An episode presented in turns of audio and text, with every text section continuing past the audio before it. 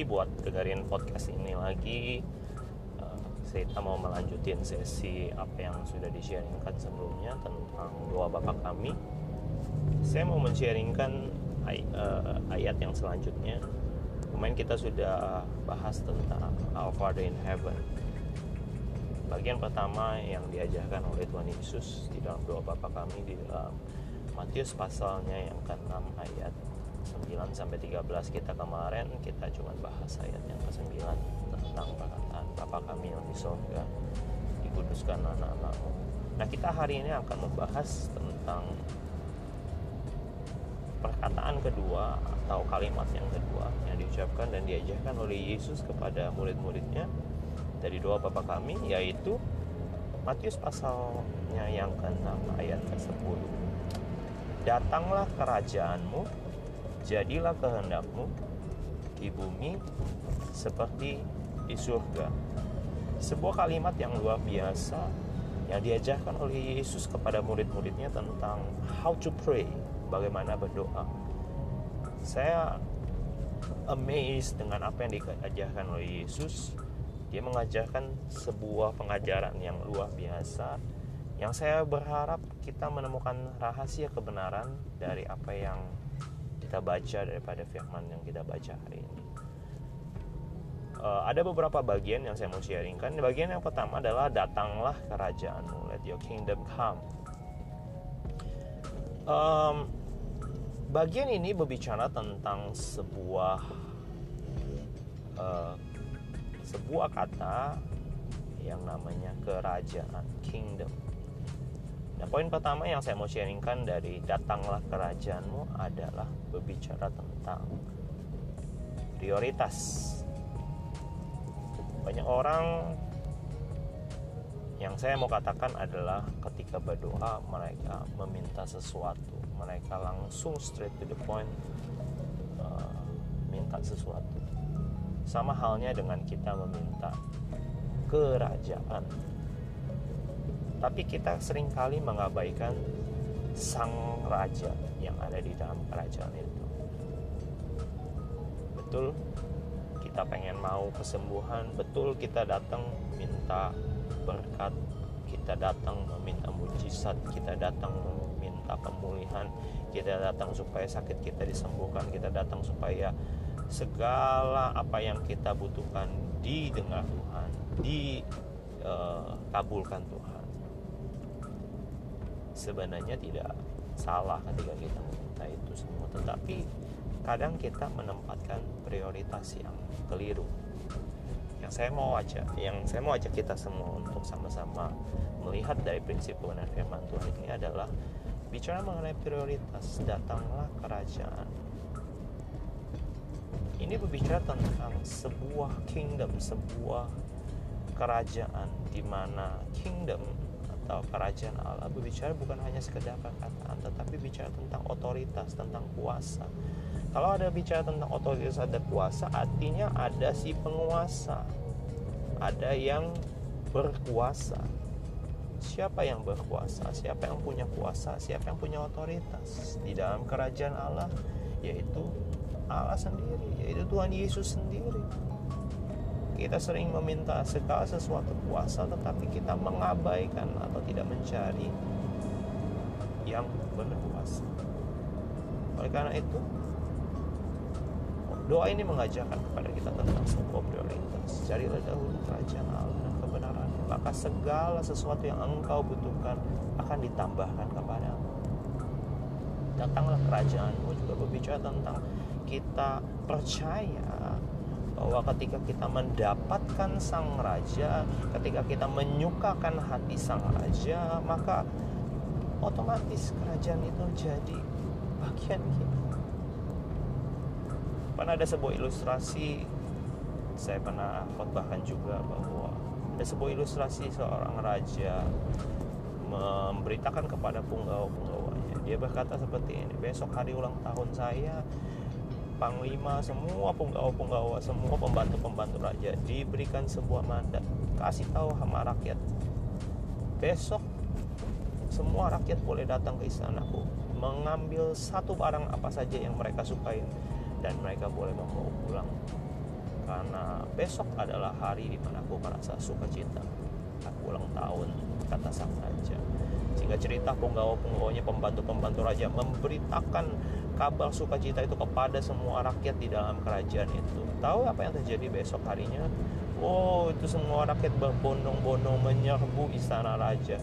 Mereka lapar, mereka melihat apa yang mereka lihat di kerajaan. Mereka melihat misalnya ada sendoknya raja, mereka ambil, mereka bawa pulang. Mereka lihat ada piala cangkir daripada minumnya raja, mereka ambil, mereka bawa pulang. Mereka lihat kerek, ada gordeng yang bagus, untuk menutupi rumah mereka mereka ambil dan mereka bawa pulang. Segala sesuatu yang mereka lihat bagus di dalam istana itu mereka ambil semua dan mereka membawa pulang satu barang untuk mereka semua. Tapi bayangin rakyatnya banyak. Berarti bisa bayangin betapa banyaknya barang-barang yang diambil oleh rakyat di dalam istana sang raja. Tetapi menariknya di dalam cerita itu ada seorang anak kecil. Ya mungkin umurnya 6 sampai 7 tahun. Dia berdiri tiba-tiba dia berdiri di depan sang raja dan sang raja menegur anak itu. Nah, apa yang kau sedang berbuat? Cepat. Kau lihat istana. Ada sesuatu yang menyukakan hatimu, ambil. Itu milik, itu kepunyaanmu. Ayo, ikut serta dengan semua yang lain. Tahu apa yang dikerjakan oleh anak itu? Apa yang dijawab anak itu? Tiba-tiba raja itu tidak menduga bahwa anak itu tiba-tiba memeluk kaki sang raja. Dia memeluk pahanya sang raja dan dia berkata I got the king. Saya sudah mendapatkan dan saya sudah memilih. Kaget saudara-saudara what? Apa yang dikerjakan oleh anak kecil ini sungguh benar-benar menginspirasi setiap saya. Sampai membuahkan sebuah paradigma. Dia berkata when I got the king I get the whole kingdom. Ketika saya mendapatkan seorang raja saya mendapatkan seluruh isi kerajaan. Wow. Can you imagine ketika kita menempatkan prioritas yang benar di dalam doa-doa kita seperti doa Bapa kami datanglah kerajaanmu let your kingdom come. Itu artinya ketika kita mendapatkan hati sang raja ketika kita mendapatkan rajanya yaitu Tuhan Yesus Kristus saya mau berkata segala kerajaan segala kuasa itu diberikan kepada segala otoritas diberikan kepadamu. Engkau punya kuasa. Engkau bisa berkata kepada sakit penyakitmu keluar dalam nama Yesus engkau pasti sembuh.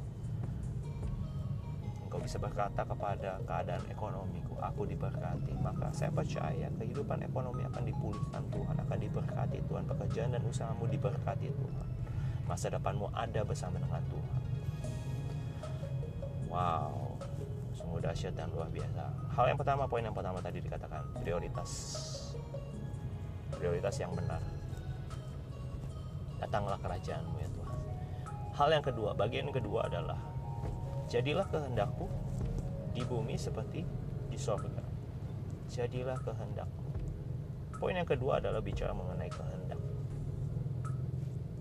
Nah, poin kedua ini adalah poin yang luar biasa juga mengingatkan kepada setiap kita. Kita sering kali salah di dalam berdoa. Kita berdoa, kita sering kali memaksakan kehendak kita yang jadi atas hidup kita. Tetapi sadarkah kita bahwa kehendak Tuhan juga punya kehendak yang menjawab pun punya kehendak atas hidup kita. Si pencipta pun punya kehendak atas ciptaan. Jadi saya mau katakan, jadilah kehendakmu di bumi seperti di surga berbicara mengenai apabila kita berdoa yakin dan percayalah bahwa kehendak dia adalah kehendak yang terbaik terkadang kita sibuk memaksakan diri apa yang menjadi kehendak kita kita kecewa kalau kehendak kita tidak diluluskan atau tidak di uh, tidak terjadi atas hidup kita. Tapi yakin dan percayalah bahwa Tuhan punya rencana yang terbaik. Apa pun yang dia menjadi keputusan dia kita percaya bahwa dia adalah Allah yang baik. Ya Allah yang tidak pernah salah dia Allah yang tidak pernah keliru. Dia Allah yang uh, tahu apa yang terbaik buat hidup kita hendaknya yang jadi. Sama seperti apa yang uh, Tuhan Yesus juga teladankan di Taman Getsemani. Kalau saudara melihat di dalam pergumulannya ketika dia mau disalibkan proses ketika dia menyadari bahwa ada proses yang dia harus lalui via dolorosa dia berdoa saudara-saudara. Dia berdoa pertama dia kata Bapak sekiranya mungkin saudara tahu apa isi doanya yang pertama? Dia berharap dia meminta kepada Bapaknya yang di sorga bahwa kalau boleh dia tidak perlu melewati proses penderitaan ini. Kalau boleh memilih dia nggak mau disalib. Kalau boleh memilih dia nggak mau mati saudara-saudara. Tetapi ketika dia berdoa yang pertama tidak terjadi apa pun. Hening sunyi dan Alkitab saya berkata Alkitab saya menuliskan bahwa untuk kedua kalinya Yesus berdoa. Tahu doanya saudara-saudara? Doanya berubah. Doanya tidak lagi seperti yang doa pertama. Isi doanya mungkin hampir sedikit sama cuman ada sebuah penggalan. Ya Bapak jikalau sekiranya mungkin cawan ini tetapi bukan seperti kehendakku namun kehendaknya yang terjadi luar biasa saudara-saudara. Kita melihat bahwa Yesus meneladani sesuatu.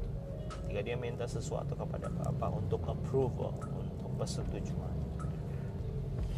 Dia tidak berkata bahwa jadilah seperti kehendakku. Dia berkata jadilah kehendakmu ya Bapa. Dan kita percaya apa yang dikerjakan oleh Yesus melalui teladannya pada saat dia di dunia pada saat dia menjadi 100% manusia di muka bumi ini dia meneladankan bahwa dia taat dia tunduk kepada otoritas Bapaknya yang ada di sorga dan seperti itulah kita percaya bahwa ketika kita tunduk taat menghargai apa yang menjadi kehendak Tuhan. Saya percaya setiap doa-doamu apabila sesuai atau sejalan dengan kehendak Tuhan, doamu pasti berkuasa, doamu pasti didengar Tuhan, doamu pasti dijawab Tuhan, doamu pasti punya dampak yang luar biasa. Doamu untuk memberkati kota Jakarta, doamu untuk memberkati kota-kota di mana engkau tinggal. Saya percaya kok semua doa-doa kita semua doa orang percaya pasti didengar Tuhan doa orang benar bila dengan yakin didoakan maka sangat besar kuasanya so itu aja yang saya mau sharingin hari ini. Semoga menjadi berkat buat kita semua. Terima kasih udah uh, dengerin podcast. Jangan lupa like and subscribe. Kalau memang ada pertanyaan you can DM me. You can send voice message atau text message atau apa pun itu perkenalan atau apa pun you can uh, find me. Oke okay, thank you so much untuk semua waktunya have a blessed day and keep strong remain faithful and stay blessed. God bless you all. Bye bye